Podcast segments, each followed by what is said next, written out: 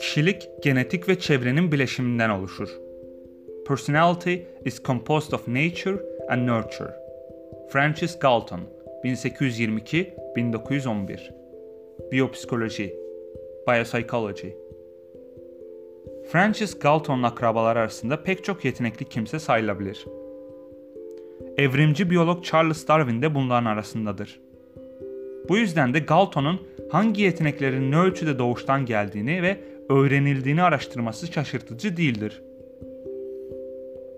Genetik ve çevrenin etkilerini ölçülebilen ve kıyaslayabilen iki ayrı etki olarak tanımlayan ve kişiliği sadece bu iki unsurun belirlediğini öne süren ilk kişidir. 1869'da Kalıtsal Deha adlı kitabını yayımlamıştır.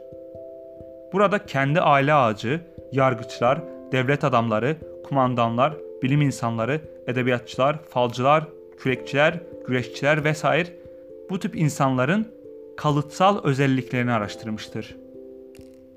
Önceden düşündüğü gibi belli ailelerde genel nüfusa oranla daha fazla sayıda yetenekli insan bulunduğu sonucuna varır. Ancak bunun sadece genetiğe bağlamaz. Çünkü ayrıcalıklı bir aile ortamında büyümenin kazandırdığı özelliklerin de etken olabileceğini düşünür. Neticede, neticede kendisi de varlıklı bir ailede büyümüş ve olağanüstü iyi eğitim olanaklarına sahip olmuştur. Gerekli bir denge. Galton bir dizi farklı çalışmada yürütmüştür.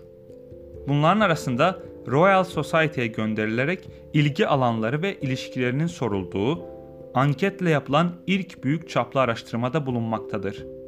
Sonuçları İngiliz Bilim Adamları dergisinde yayımlanmış ve yaratılışla yetiştirme koşullarının birbiriyle rekabet etmeye zorlandığını, yaratılışın galip galip çıktığını öne sürmüştür. Dış etkilerin de bir katkısı olduğunu ancak hiçbir şeyin bireysel özelliklerin derin izlerini silemeyeceğini söyler.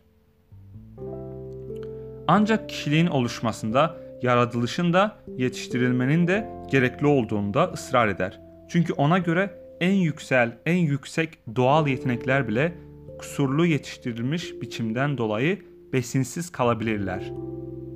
Zekanın kalıtsal olduğunu ama mutlaka eğitimle takviye edilmesi gerektiğini söyler. Galton 1875'te 159 çift ikiz üzerinde bir araştırmaya başlar.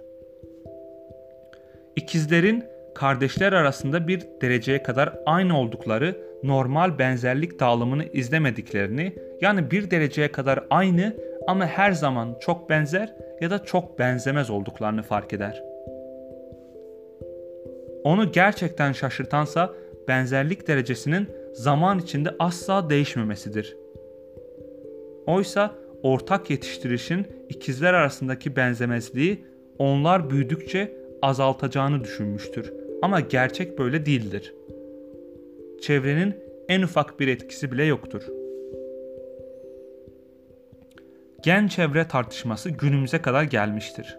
Bazıları Galton'un günümüzde soy ıslahı olarak bilinen insanların da belli özelliklere sahip olmaları için atlar gibi çiftleştirilmesini öngören düşüncesi dahil tüm kuramlarını desteklemektedirler.